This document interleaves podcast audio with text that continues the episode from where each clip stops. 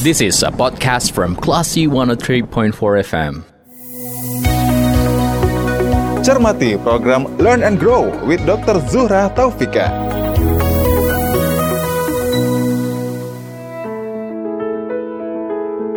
Dari Bumi Karangputih Daruk Padang, 103.4 Kelas FM, this is the actual radio. Assalamualaikum, apa kabar Classy People? Semoga selalu dalam keadaan yang terbaik. Anda sedang bersama saya Lia Priyanka. Anyway, hari Selasa waktunya juga nih untuk kita mencermati program Learn and Grow with Dr. Zuhra Taufika. Classy People, masalah makan adalah masalah yang krusial dan kadang atau mungkin malah sering menjadi keluhan para orang tua saat anak diajak makan susah, ada yang bilang males, nggak mau gitu ya, atau GTM bahkan. Nah, yang namanya feeding rules ada tuh di masalah makan anak-anak. Apa sih sebetulnya feeding rules dan bagaimana hubungannya dengan kebiasaan makan anak? Itulah topik kita kali ini, feeding rules yang akan saya obrolkan atau diskusikan dengan Dr. Vika. Apa kabar Dr. Vika? Alhamdulillah sehat. Sehat dan siap untuk ngobrol lagi, sharing lagi bersama Classy People. Iya, Kali ini kita ngomongin sekali. soal feeding rules, soal makan. Biasanya ini keluhan kebanyakan orang tua, ibu-ibu ataupun bapaknya gitu ya, Dokter Vika ya. Oke. Iya, betul sekali. Nah, Dokter Vika, kita ke definisi dulu barangkali. Apa sih sebetulnya yang dimaksud dengan feeding rules? Iya, jadi eh, crazy people banyak orang tua galau ya dengan em, anaknya makan lahap atau tidak, atau mungkin kok nggak naik-naik berat badan. Nah, itu beberapa di antara keluhan yang mungkin muncul pada orang tua eh, saat ini. Mhm. Nah, sebetulnya ada nih sesuatu yang berpengaruh terhadap kejadian tersebut. Jadi ada satu item atau satu poin yang ternyata mempengaruhi berat badan anak, mempengaruhi nanti anak tersebut makan lahap atau tidak, yaitu feeding rules atau aturan-aturan makan. Jadi ada semacam eh, rambu-rambu eh, seperti lalu lintas lah ibaratnya ya, ada aturan atau ada rules atau ada rambu-rambu di mana dengan rambu-rambu tersebut itulah yang nanti akan menuntun supaya kalau di lalu lintas ya lalu lintasnya lancar. Nah, kalau yang ini ya makan anaknya menjadi lahap. Nah, kurang lebih seperti itu. Oke, jadi ini sebenarnya semacam eh, peraturan atau pola yang diterapkan oleh orang tua saat anak mulai mengenal makanan gitu, Dokter Vika ya? Iya, betul sekali. Nanti em, feeding rules atau aturan-aturan makan itu akan melingkupi ya beberapa hal. Misalnya mulai dari pengaturan jadwal makan, kemudian pemberian aneka ragam jenis makanan, kemudian pengaturan porsi makan, lalu juga termasuk di dalamnya adalah cara pemberian makanan gitu. Hmm, Oke, anak mulai dikenalkan tentang feeding rules ini saat pertama empati atau bagaimana? Ya, sebetulnya uh, feeding rules itu mulai dikenalkan tentu bersamaan dengan saat anak kita kenalkan makanan pertama kali, yaitu pada saat uh, MPASI ya, 6 bulan. Nah, nanti seiring dengan berjalannya waktu, um, feeding rules itu akan mengikuti juga pertambahan usia anak, kemudian perkembangan yang terjadi pada anak, dan hal-hal lain yang turut berkembang sesuai dengan um, semakin meningkatnya umur si anak seperti itu. Jadi kalau kita ingin menerapkan feeding rules terhadap anak-anak kita gitu ya, bagaimana caranya dokter? Ya, jadi terlebih dahulu orang tua mungkin harus mengetahui juga nanti uh, anak usianya saat ini berapa, Mhm. kemudian di usia tersebut kemampuan perkembangannya seperti apa, sehingga lebih paham feeding rules-nya nanti seperti apa. Kalau secara umum tentu pengaturan jadwal makan, pengaturan jenis makanan dan uh, porsi makan itu berbeda sesuai dengan um, pertambahan usia. Nah, nanti ketika bertambahnya usia ternyata perkembangan anak pun juga berbeda-beda. Misalnya anak yang uh, di usia 6 bulan uh, mungkin duduknya masih belum kokoh gitu ya. Kemudian di usia 9 bulan dia sudah sangat bisa menggenggam makanan, kemudian mencoba memasukkannya ke mulut gitu ya. Nah nanti di usia 12 bulan mungkin saja anak sudah lebih bisa kita tuntut untuk makan cara uh, mandiri. Nah nanti tentu feeding rules tersebut akan berkembang sesuai dengan tahap perkembangan anak yang uh, sedang mereka alami. Sampai umur berapa batasannya dokter? Kalau untuk batasan sebetulnya pola makan ya sampai anak usia sekolah juga masih kita atur ya. Artinya hmm. norma-norma makan tapi dalam bentuk seperti itu gitu. Artinya beda wujud kali ya. Mungkin hmm. di usia bayi balita terkadang jangan makan sambil um, jalan-jalan gitu ya. Hmm. Nah, itu hmm. mungkin pada anak sekolah sudah tidak dilakukan lagi. Namun kalau untuk pengaturan pola makan, kemudian jenis makanan yang beragam, kemudian porsi makan itu bahkan sampai lansia pun juga masih menerapkan. Artinya feeding rules itu adalah aturan makan yang mungkin tidak mengenal usia akan tetapi sesuai dengan uh, usia dan tahap perkembangan masing-masing.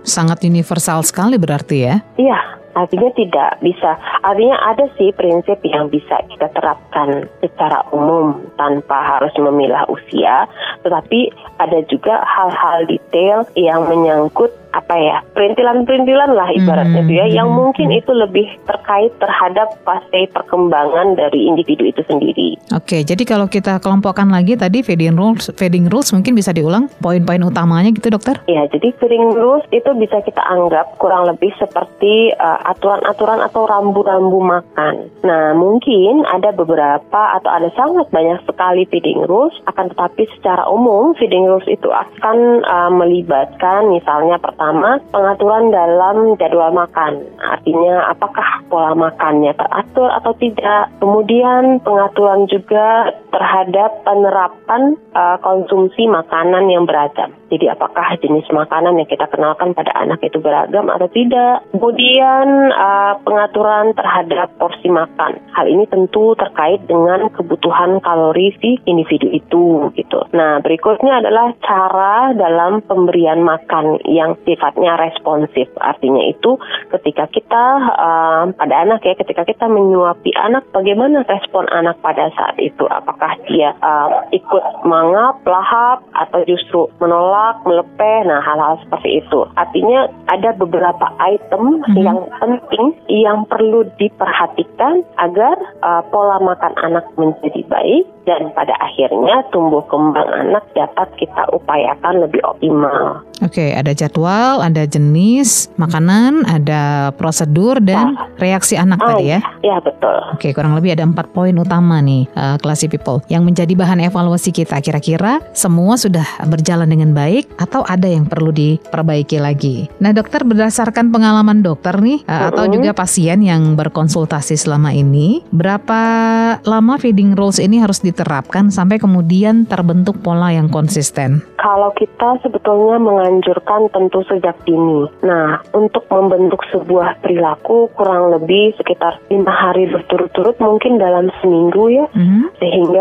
para orang tua bisa lebih mengatur anaknya. Jadi biasanya perbaikan pola itu, misalnya hari ini kita coba terapkan, tentu belum akan mulus. Nah, tapi besok kita juga harus tetap gigih menerapkan hal yang sama. Nah, biasanya akan lebih baik dibandingkan hari pertama, tapi mungkin masih belum berhasil. Nah, seperti itu juga hari ketiga, hari keempat, dan hari kelima. Nah, kita berharap biasanya di hari kelima uh, pola itu akan lebih nampak. Jadi, dengan adanya disiplin konsisten dalam pembentukan pola makan yang baik, maka mungkin ya pada jadwal makannya udah bisa dibentuk sekitar lima hari berturut-turut. Namun kalau untuk membentuk anak mau makan beragam jenis makanan, tentu itu bukan perkara yang lebih apa ya, lebih simpel. Artinya bisa jadi pada satu anak itu lebih cepat tingkat adaptasinya bisa jadi pada anak yang lain tidak. Nah, kalau untuk item yang ini banyak faktor yang mempengaruhinya, termasuk sejauh ini apakah anak cukup bebas untuk bereksplorasi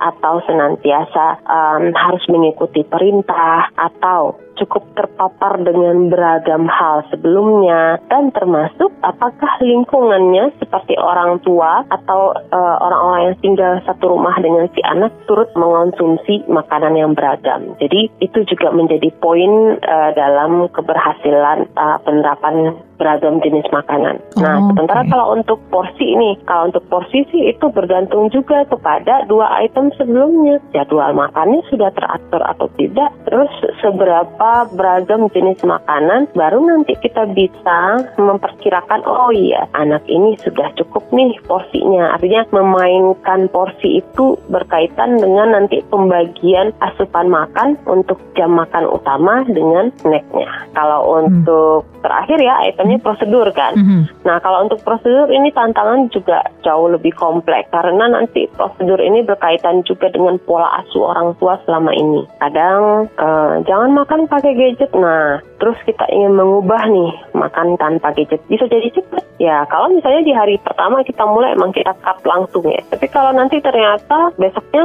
eh lupa akhirnya ulang Hmm, lagi. Nah, jadi hal-hal seperti itu eh, agak sulit menghitung baku. Berapa lama sih bisa membaik? Berapa lama sih bisa eh, menjadi apa ya masuk ke Anaknya ranah gitu. rambu-rambu yang benar. Nah, Hmm. tapi nah ini tapi nih tapi orang tua biasanya kalau disiplin konsisten itu akan jauh lebih smooth eh, apa ya lebih cepat sih mencapai tujuan. Artinya ini variabelnya sangat sangat banyak ya dokter ya. Eh, tiap Iya, tiap poin itu enggak. juga punya aturannya sendiri gitu ya. Iya, jadi nggak bisa kayak hitungan matematika. Mhm, mhm. Eh, iya, misalnya nih ada dua anak dalam satu rumah kakak adik. Apakah si kakak nanti si adik kakaknya lebih mudah diatur eh, feeding rulesnya ketimbang si adik ya belum tentu juga. Mhm. Nanti kan ada faktor eh, pola asuh selama ini yang juga bisa melandasi dari perubahan perilaku. Karena kalau feeding rules termasuk di dalamnya kan perilaku makan. Mhm. Nah itu kan sama seperti kita orang dewasa. Em, bagaimana kita dahulunya dididik? Nah tentu pola asuh itu akan membentuk kita seperti apa. Nah seperti apanya kita tentu itu akan menjadi landasan dalam perubahan diri ke arah yang lebih baik tuh.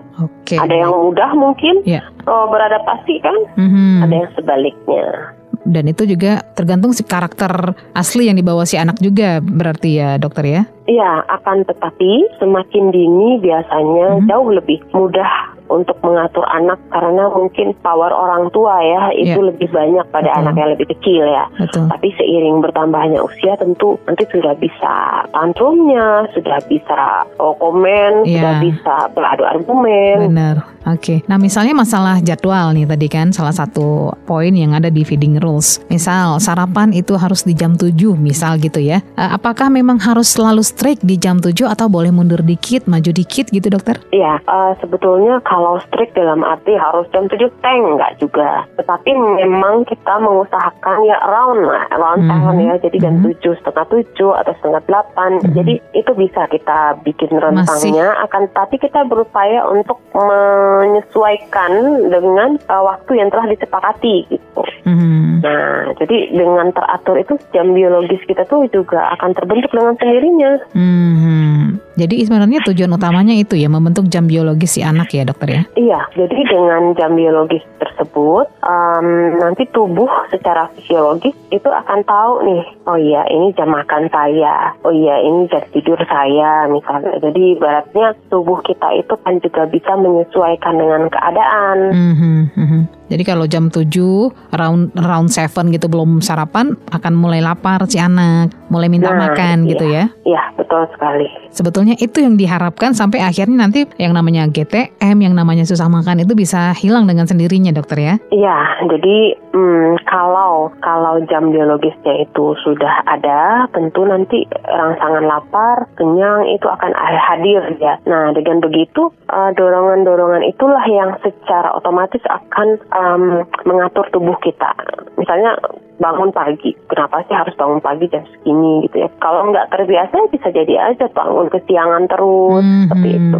Hari ini jam 7, besok jam 6, besoknya lagi jam 8, besoknya lagi jam Iya. 9 gitu ya. Pola Iya, yang berantakan saya- ini ya yang, Iya. yang harus diperbaiki. anak-anak ya kalau kadang-kadang kan anak-anak ya di usia sekolah terutama itu kan ada fase juga menolak untuk diatur terus. Iya. Nah akhirnya ada nih kadang-kadang anak bertanya kenapa sih harus teratur gitu? Hmm. Kenapa harus jamnya jam segitu gitu kan? Kenapa nggak terserah aja? Nah akhirnya pada anak-anak yang mungkin sudah memiliki kemampuan atau kapasitas berpikir yang cukup baik ya anak Mhm, usia sekolah mhm. itu mungkin kita bisa memberikan contoh seperti eh, tahu nggak matahari, Mhm. tahu nggak bulan. Mhm. Nah itu kalau misalnya matahari dan bulannya terserah aja terbitnya gimana?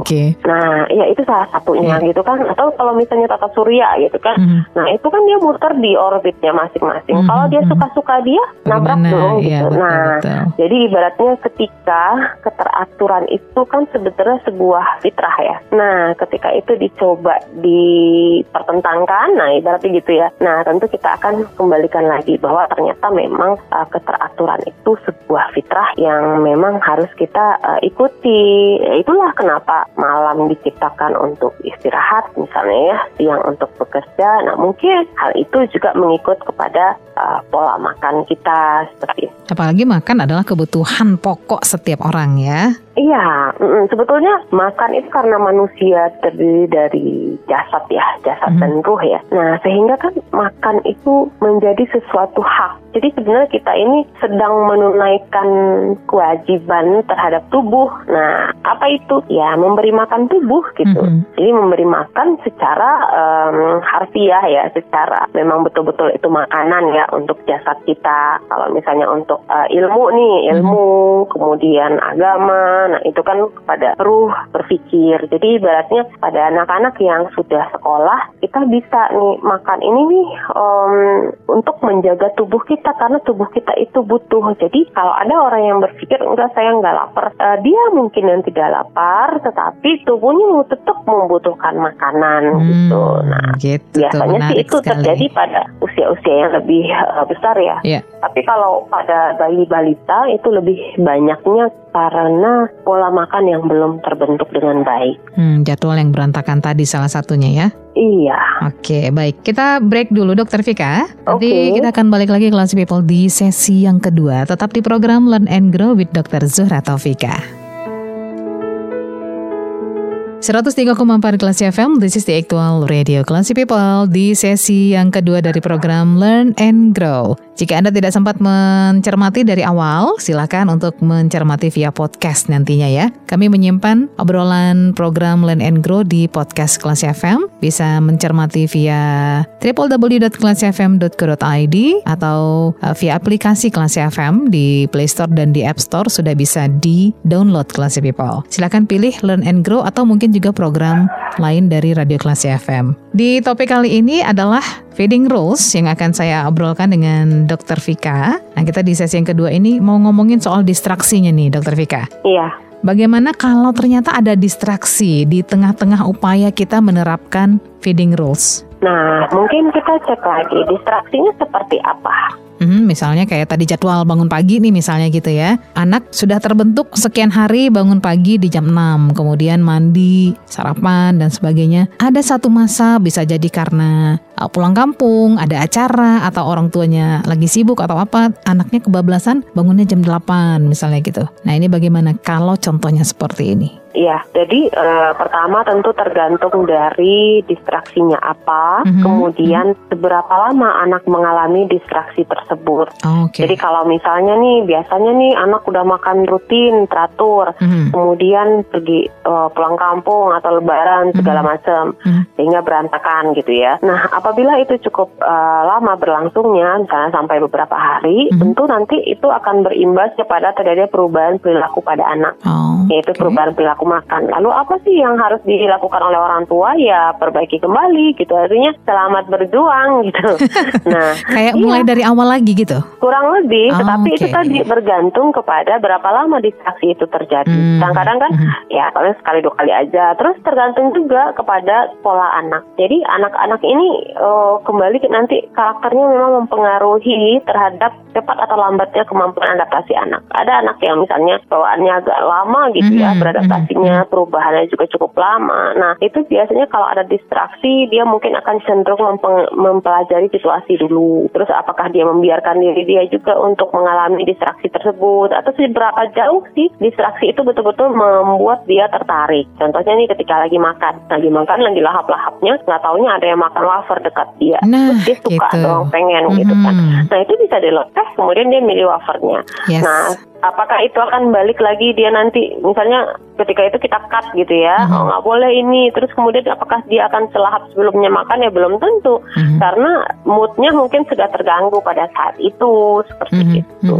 Tapi apa yang harus dilakukan orang tua? Ya pertama mencegah distraksi itu ada. Yang kedua kalau terjadi ya menanganinya pada saat distraksi itu terjadi. Nah respon anak memang berbeda-beda tergantung dari bagaimana si anak itu sendiri. Ada yang cuek aja, yang mungkin menurut dia makanan yang dia lihat itu pada saat makan nggak menarik. Yep. Atau ada juga yang memang sudah cukup ya kontrolnya. Mhm, Itu mhm. mungkin untuk anak yang usianya udah agak lebih besar. Mhm. Oh enggak, waktu itu makan yang makan, bukan yang lain. Nah kayak gitu. Jadi mm, karena kita bicara anak tentu range usianya ya cukup lebar, ya, Lebar, 0 betul, sampai betul. 18 tahun Iya, gitu. Nggak bisa kita pukul rata semua anak. Nah termasuk juga mm, suasana. Mhm. Suasana juga bisa menjadi bentuk distraksi yang lain, termasuk hadirnya tontonan, kemudiannya mainan. Jadi itu hal-hal yang bisa uh, mengganggu proses makan berlangsung dengan uh, baik. Kayak misalnya kita lagi berjuang untuk uh, menerapkan feeding rules-nya itu harus makan sayur setiap hari misalnya gitu. Eh, Mm-mm. tahu-tahu orang tua tuh ada suatu kesibukan mungkin 2-3 hari yang tidak sempat mensajikan sayur di rumah misalnya gitu. Mm-mm. Nah itu bisa merusak atau membuat si anak balik lagi ke habit tidak suka sayur kurang lebih begitu kah? Bisa iya, bisa enggak sih. Mhm. Artinya eh, kadang-kadang si anak itu pertama si usia berapa itu mengalaminya. Hmm. Karena ada anak yang memang sudah memang cukup terpapar dengan sayur sehingga mungkin ketidakberadaan sayur dalam beberapa hari itu tidak terlalu berpengaruh bagi Oke. dia gitu. Oke. Nah, jadi kembali lagi nanti kita lihat respon anak nggak bisa dipukul eh, Hmm. rata sih sebetulnya. Eh, tergantung si orang tua kasih pemahaman ke anaknya juga kali ya. Iya, itu salah satunya. Tapi memang kita tuh berupaya bahwa oh ini yang sebaiknya kita lakukan. Nah, karena kita sebagai manusia kadang-kadang juga hilaf ya. Mhm, Tentu mhm. ketika kita hilaf tersebut kita ingat aja item hilafnya seperti apa. Nah, semoga nanti tidak terulang kembali. Dan kalau misalnya ter- eh, terjadi pada saat ini, misalnya harusnya dia makan jam sekian, tetapi si anak bangunnya molor gitu ya. Iya. Nah, kemudian apa yang terjadi ya ketika dia bangun itu itulah kita ajak dia makan seketika itu. Nah, besoknya bagaimana ya kita cegah hal itu terjadi kembali. Jadi ibaratnya um, senantiasa kita berbuat lebih baik hari ini dibandingkan kemarin dan esok tuh lebih baik daripada hari ini. Jadi Mhm, insya Allah mhm. semuanya kalau misalnya kita memakai pedoman seperti itu, uh, feeding rules ini akan berproses. Jadi uh, sebagaimana yang di awal tadi saya sampaikan bahwa banyak faktor yang mempengaruhinya, banyak variabel yang menentukan apakah itu usia anaknya, tahap perkembangan anaknya, termasuk lingkungan di sekitarnya. Hmm, Oke, nah tadi dokter juga sempat menyinggung soal gadget, soal makan sambil main gitu. Sebagian orang tua mungkin ada yang melakukan cara ini nih, dokter eh, Vika. Mungkin latar belakangnya alasannya anak sulit nih dibujuk untuk makan. Tapi kalau dia diajak jalan keliling komplek, makanannya habis satu piring misalnya gitu. Hmm. Atau kalau Iya. dia diajak makan sambil dikasih gadget, dikasih tontonan YouTube atau apalah gitu ya, dia lahap nih makannya habis, nggak drama misalnya gitu. Ini bagaimana dokter? Iya, jadi kembali kepada feeding rules yang kita anut. Artinya, apakah kita memang ingin seperti itu? Nah, kan begitu. Mhm. Apakah kita memang ingin menerapkan hal yang seperti itu? Dan apakah itu baik? Kalau saya sih prinsip awalnya adalah, apakah itu baik? Mhm. Kalau misalnya itu baik, kita boleh terapkan. Tapi kalau itu tidak baik, maka mungkin sebaiknya kita tidak melakukan dari awal atau tidak mencoba-coba. Misalnya nih, pakai gadget. Mhm. Nah, itu kan nanti akan membuahkan kesusahan lagi kan. Mungkin pada saat itu membantu, tapi kemudian aduh ada PR lagi nih. Mhm. Apa PR-nya gitu ya? Ya PR-nya mengendalikan gadget pada anak. Screen Jadi, time-nya ya. Um, hmm, jadi ibaratnya apakah kita sedang menempatkan anak itu sebetulnya pada posisi yang sebetul-betulnya aman? Kalau enggak kan kita hanya mencari solusi untuk sesuatu yang nantinya akan dibutuhkan lagi solusi selanjutnya kan? Jadi menyelesaikan masalah dengan masalah dong ya. Kurang lebih. Oke. Selesai masalah satu, eh datang masalah yang lain gitu ya. Iya, Jadi iya PR-nya kalau masalah nambah gitu ya. pertamanya betul-betul selesai kan Yes. kalau ternyata hanya harapan semu. Nambah masalah artinya kalau Nah, begitu. itu dia. Kalau misalnya dialihkan ke yang lain, mungkin dia makan sambil mewarnai misalnya gitu. Nah, tetap aja sebetulnya pekerjaan makan kan bukan sesuatu yang sebaiknya digandeng ya. Ah, Maksudnya Oke. itu eh, bisa jadi nanti anak menjadi tidak menyadari bahwa dia itu sedang makan. Mhm, mhm. Nah, jadi misal nih makan sambil nonton, itu kan sebetulnya aktivitas makannya menjadi tidak Terganggu. berasa. Iya betul betul. Nah, pada eh, hal yang kurang baik akan membuat anak tuh tergiring ke arah obesitas. Mhm. Karena nanti dia akan makan, makan, ngunyah-ngunyah gitu ya. Sementara seharusnya makan itu adalah suatu proses yang harus disadari. Jadi anak harus paham mindful eating nih dokter Vika ya. Iya, jadi memang seharusnya makan itu sesuatu hal yang harus dia tahu bahwa oh iya, ini nih makan nih kita lagi makan. Kalaupun kita akan karena anak itu sejatinya selalu bermain ya, Mhm. kalaupun kita membuat anak itu merasa bahwa anak kita tetap harus fun, jadi mungkin kita bisa melibatkan aneka alat pada saat makan, entah itu sendok, entah Mhm. itu gelas atau piring. Tetapi itu masih termasuk item makan di mana membuat anak sibuk dengan hal-hal terkait dengan makanan. Jadi kayak kemarin ya kita ada pasien mungkin makannya biasa pakai gadget. Oke. Nah, kali itu tentu tidak ada gadget yang mendampingi. Jadi hanya ada orang dewasa di sekitar yang menemani makan. Nah, mau lima menit pertama, tujuh menit pertama itu dia masih fokus dengan makanan. Sampai kemudian dia berdiri, kemudian pergi keluar. Mungkin pada saat tersebut ya, pada kondisi atau situasi tersebut di rumah, itu orang tua udah nemenin dia keliling-keliling. Nah, Hmm, berhubung hmm. pada saat itu tidak kita bolehkan seperti itu, akhirnya kita ambil sebuah sendok, kita bikin bunyi-bunyi ya pada saat itu. Nah, akhirnya dia tertarik kembali untuk duduk kemudian berada di hadapan makanannya. Nanti 5-10 menit lagi mulai tuh dia Terdistrak juga lagi ya. udah merasa iya merasa cukup ya. Nah Hmm. akhirnya kita cobain lagi. Oh ini ada kotak. Nah ini kotaknya piring ya. Waktu Mhm, itu piring makan mhm. yang partisi. Nah akhirnya dia mencoba tuh menyalin makanan ini ke sini. Ya mungkin memang ada sedikit bermain di sana. Akan tetapi dia masih sibuk dengan item makanan di mana sambil itu dia masih bisa disuapi dan menyuap di- sendiri. Oke, artinya sebetulnya tergantung usia, boleh kita sambil membentuk feeding rules itu memberikan batasan toleransi ke anak untuk makan sambil bermain, begitu? Uh, mungkin bahasanya bukan Bukan makan begitu. sambil bermain.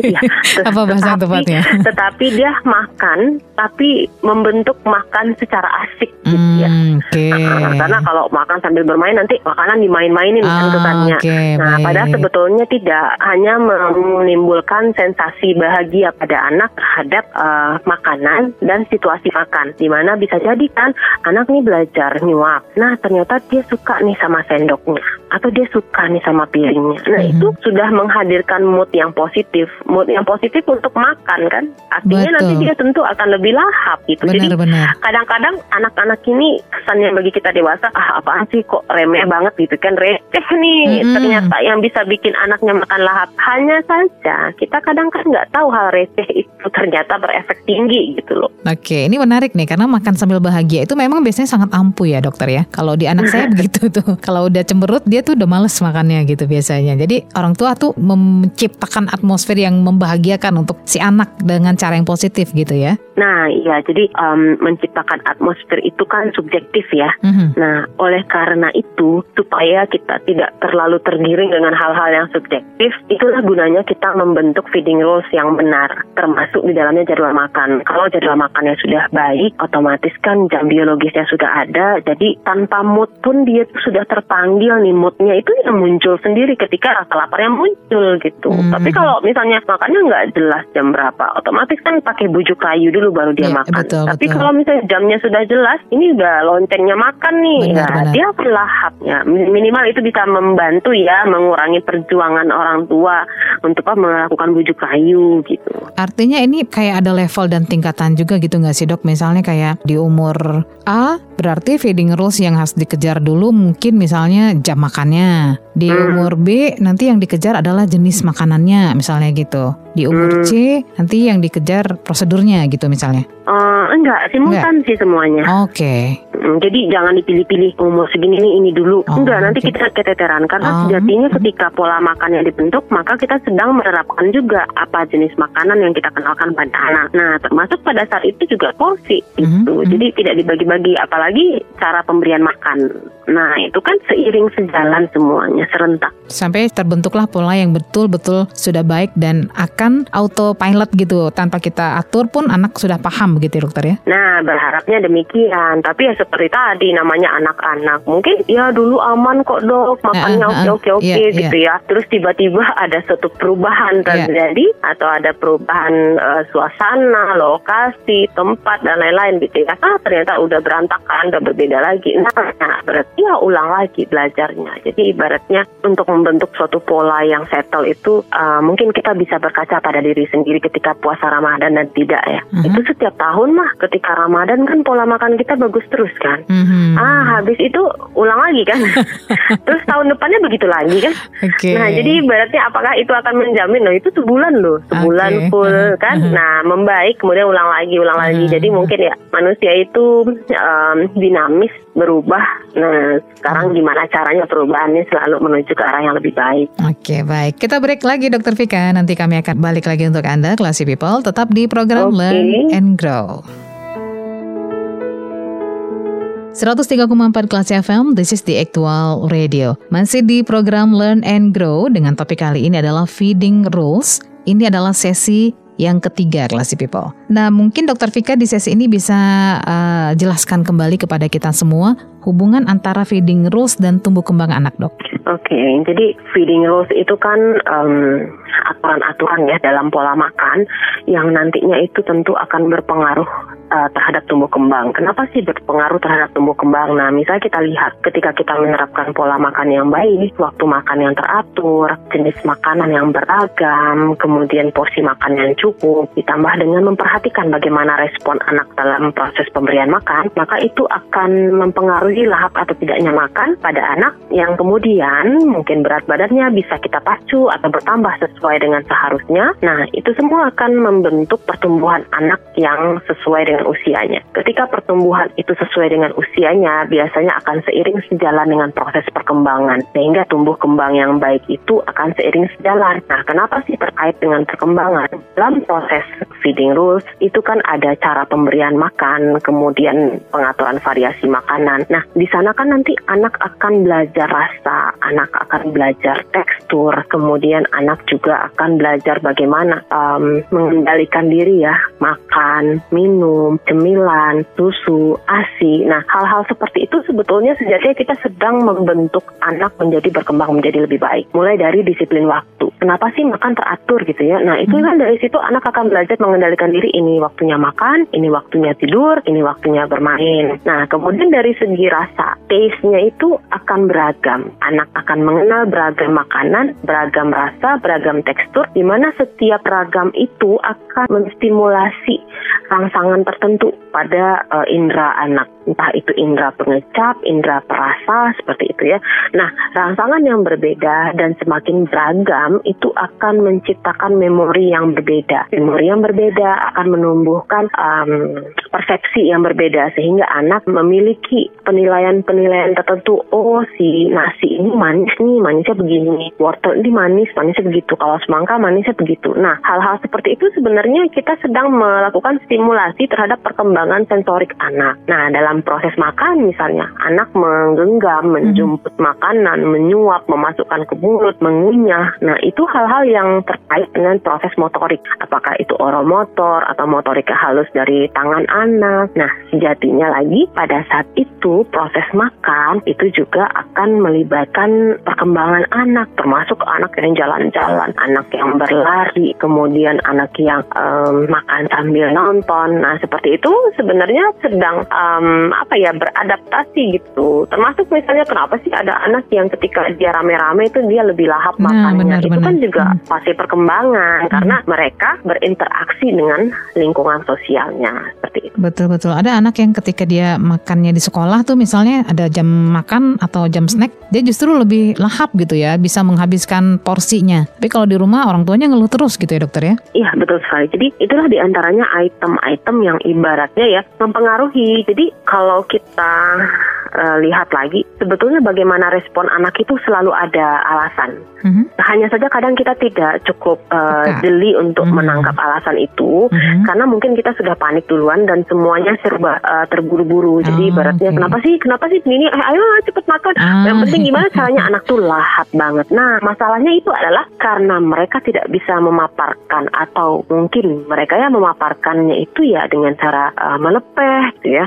Mhm. Ya sama kayak bayi 0 sampai 3 bulan misalnya kan nangis terus. Apakah nangis itu ibaratnya adalah permintaan terhadap eh, ASI atau lapar terus kan enggak juga. Tapi kan tidak ada nada khusus untuk ASI, nangis versi ASI, nang- nangis versi ganti Iya, popok iya. kan beda ya. Maksudnya tidak bisa kita terjemahkan dari Mhm, situ mhm, gitu loh. Jadi eh, respon anak itu sebenarnya mengandung makna. Hanya saja maknanya apa. Nah, itulah dia main detektif-detektifan nih sama anak. Iya iya betul. Kadang-kadang orang tua terjebak hanya pada seberapa banyak yang masuk ke dalam mulut anak gitu ya dokter ya. Nah, iya, salah satunya itu. Selain itu, juga orang tua inginnya cepat kan. Iya betul Kenapa betul. sih anak yang ini lahap, eh, anak saya enggak gitu. Heeh, Terus heeh. dia pengen nih kayak gitu anaknya kan, tapi eh, lupa untuk menilai apa sih yang terjadi selama ini sehingga anaknya saat ini seperti ini gitu. Nah karena em, ya masa lalu membentuk seseorang kan, ya, ya begitulah kira-kira ya. Nah begitu juga anak, apa yang terjadi pada anak saat ini mungkin apa ya pola asuh kita sebelumnya, bagaimana kita me- menstimulasi anak dalam proses makan. Mhm. Nah, lebih baik memang mencari, tapi mencari itu kan butuh waktu, butuh proses, butuh ketenangan. Biasanya itu agak sulit dilakukan kalau orang tuanya sudah stres duluan atau panik duluan. Oke, kalau dalam feeding rules ini apakah satu porsi makanan harus dihabiskan anak dok? Nah, sebetulnya pengaturan porsi itu adalah suatu trik dalam membuat anak makan lahap. Bisa jadi porsinya kecil tetapi kalorinya tinggi. Atau bisa jadi yang tanggung jawab anak makan tiga kali dipecah menjadi lima kali makan. Di mana jam snack time-nya itu diubah menjadi jam makan utama tapi dalam versi kecil. Jadi ibaratnya bisa saja porsi ke per kali makannya berbeda antar anak. Karena ada anak yang small eating gitu ya. Iya, jadi itulah eh, masuk ke dalam eh, feeding rules berupa prosedur. Oke. Jadi ada anak yang eh, kok makannya sedikit ya. Nah sekarang gimana nih sedikitnya itu berapa? Kemudian bagaimana caranya menyikapi yang sedikit itu em, cukup untuk satu hari? Kan Mhm. nggak ada aturan bahwa ini harus habis nih. Eh, tapi sebetulnya ketika makan ya, oh segini yang habis. Sementara kira-kira anak itu butuh berapa sih satu harinya? Itu tinggal dibagi. Misalnya Oke. anak butuh tiga piring makan utama contohnya. Jadi dia butuh porsi tiga porsi. Sekarang untuk ngabisin tiga porsi kan bisa dibagi menjadi misalnya satu setengah porsi, maaf dua porsi misalnya dibagi Mhm, tiga, mhm. kemudian satu porsi lagi dibagi menjadi dua kali jam makan eh, snack. Artinya kalau Gitu. misalnya anak sudah bilang "Ah, udah nggak mau lagi nih mah misalnya gitu, boleh Mm-mm. diizinkan untuk tidak menghabiskan? Mungkin langkah pertamanya bukan langsung membolehkan, tetapi Mhm. lebih kepada coba ditawarkan makanan lain pada saat itu yang kurang lebih eh, memiliki komponen yang sama. Oke. Contohnya tadi semangkok eh, nasi ya lengkap. Sekarang ternyata oh, udah nih nggak mau. Coba aja, oh kebetulan kita ada kentang, kebetulan Mhm. kita ada ubi, ya udah Tawarkan. suguhkan pada saat itu. Mhm. Jadi selama itu masih jam jadwal makannya kita suguhkan. Tahu- Karena kadang-kadang anak ini ngomongnya nggak mau, mungkin nggak maunya untuk makanan yang sedang dia makan Oh iya tapi iya, tidak iya. untuk yang lain gitu. Ada nah, rasa bosan gitu dalam maksudnya? mengganti. Jangan dikit-dikit nggak mau terus ditolak terus Oh, Oke. ganti ke susu gitu kan. Ah. Jangan. Jadi pinter-pinter orang tua lagi nih eh, mencari polanya uh, kapan harus mengganti, kapan harus membujuk atau membiarkan Iya. anak tidak menghabiskan makanan. Iya, kayak yang tadi. Misalnya nih Hmm. anaknya kan awalnya tuh lima menit Iya, lahap iya. ya. Nah kemudian berdiri itu jalan-jalan lagi. Nah kalau kita nggak sabar, bisa jadi kita beranggapan oke berarti anaknya sudah tidak mau makan. Iya, ya udah kan? kenyang nih misalnya Nah, gitu. ah asumsi kita begitu. Iya. Tapi akhirnya kita uh, bunyi-bunyiin sendok, ini Mhm. akhirnya ter- apa tertarik lagi, pas Mhm. tertarik duduk lagi, makan lagi. Oke. Nah kan masuk lagi tuh beberapa suap itu prestasi loh. Iya Jadi nggak sederhana kan. Betul. Habis itu lima menit lagi tuh kabur lagi misalnya Iya. kan. Eh kita nongolin piring tuh enak lagi, mau lagi. Nah sampai kapan itulah batas waktunya sekitar 30 menit itu. Jadi eh, tidak pasrah sih. Jadi berarti nah ini makan ya. Terus habis itu that's it gitu ya selesai. Jadi kita, kita- berharap dia makan dan ini udah selesai selesai gitu ya. Ya nggak semudah itu sebetulnya. Jadi kita patokannya durasi apa respon nih, Dokter Vika? Oh, kedua-duanya. Oh, Jadi kedua-duanya. tidak ada aturan matematika yang baku di Oh, situ. Ya bisa oke. jadi eh, ternyata dia kebetulan nih lagi lahap banget. Ah, Belum jadi waktunya udah udah kenyang dong. aha. Nah, apakah kita masih harus memaksakan kan Iya, tidak iya, juga. iya. Jadi itulah mengapa orang tua itu harus ikut terlibat dan memberikan makan nggak sekedar ngasih makan ya Mhm, atau mhm. menyuapi ya seperti robot ini Mhm. makan kemudian ketika dia respon begini kita begini enggak tapi itu kan ada feeling dihadir di sana Hmm, jadi Nah, bisa. feeling itu nanti yang akan membantu menuntun, oh ya, anak saya nih udah mulai kenyang nih. Atau mungkin, eh coba ini yuk. Jadi kadang-kadang yang membuat anak tertarik tuh bukan makanannya sendiri, tapi suasana yang Betul menunjang. betul. Dan cara cara si orang tua untuk mengajaknya gitu ya. Iya, kadang-kadang malah anak usia sekolah kan kayak gitu. Oh, karena dia mau berenang nih, ya, berenang itu sesuatu hal yang sangat dia suka. Iya. Akhirnya makan yang tadinya lama jadi lebih cepat misalnya. Biar Terus, berenangnya oh, juga karena lebih mau di- mau dibeliin mainan nih kat- Iya, katanya begitu ya. Dia mau nih gitu kan. Dia diiming-imingi sesuatu jadi motivasi anak itu berbeda dengan orang dewasa. Nah kadang-kadang di situ makanya kadang-kadang kita harus hati-hati juga kan memberikan motivasi. Jangan sampai itu yang jadi alasan untuk makan ya dokter, dokter ya. iya iya kalau motivasinya masih masuk akal kan. Iya. tapi kan bertambahnya usia nanti jadi nggak make sense lagi. Betul. misalnya umur segini iya nanti kalau kamu eh, rajin makannya lahap makannya dapat game ya sampai usia berapa bisa Betul, dijanjiin betul. begitu gitu Betul. kan Dia jadi nggak paham esensi dari makan itu sendiri berarti ya. Nah, iya, iya. Padahal kan tadi balik lagi makan itu kebutuhannya tubuh kita. Mhm. Nah, karena kita manusia, kita berkewajiban menjaga, makanya kita memberikan hak tubuh untuk makan. Oke baik, dokter bisa kasih eh, contoh praktek feeding rules dalam satu hari mungkin untuk eh, usia sekolah?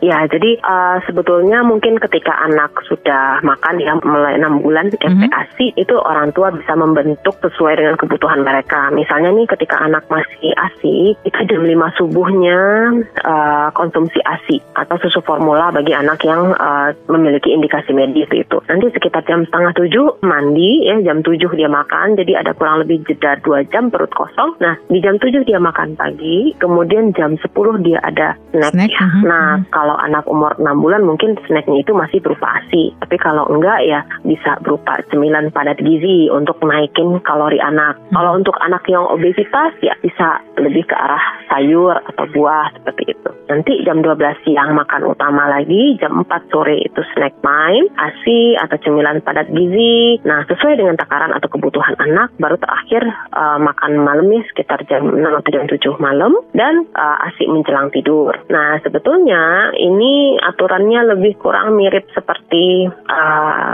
sedang rapat Seminar di hotel misalnya ya. betul. Jadi ada coffee breaknya, ya kecuali subuh lah ya, subuh ASI gitu ya. Artinya ada tiga kali makan utama dengan dua kali snack time. Balita dan Sekarang- eh, usia sekolah juga sama ya kurang lebih begitu ya. Iya, ha- hanya saja pembedanya itu adalah kebutuhan. Jadi mungkin kalau pada anak-anak kebutuhan seratnya sangat rendah, sehingga mungkin komposisi makannya nanti lebih ke arah karbohidrat, protein lemak yang merupakan sumber kalori. Tapi pada dewasa ya setengah piringnya itu sayur, berarti kan di jam 9 itu lebih disarankan untuk yang tinggi serat. Jadi kalau untuk pola makan itu secara umum uh, hampir sama. Tinggal apa sih yang mereka konsumsi pada jam tersebut tuh. Oke baik. Terima kasih banyak Dokter Vika untuk obrolannya hari ini di Learn and Grow. Semoga bisa langsung diaplikasikan oleh Classy People yang membutuhkan uh, ilmu tentang feeding rules. Dan Classy People Anda bisa mencermati program ini setiap hari Selasa di jam 10 waktu Indonesia Barat ya bersama dengan Dokter Vika dan juga saya Lia Priyanka. Terima kasih atas atensi dengar Anda. Jangan lupa cermati juga versi podcastnya di aplikasi ataupun di website Kelas FM. Semoga hari Anda menyenangkan. Assalamualaikum and then see you. Anda baru saja mencermati program Learn and Grow with Dr. Surah Taufika.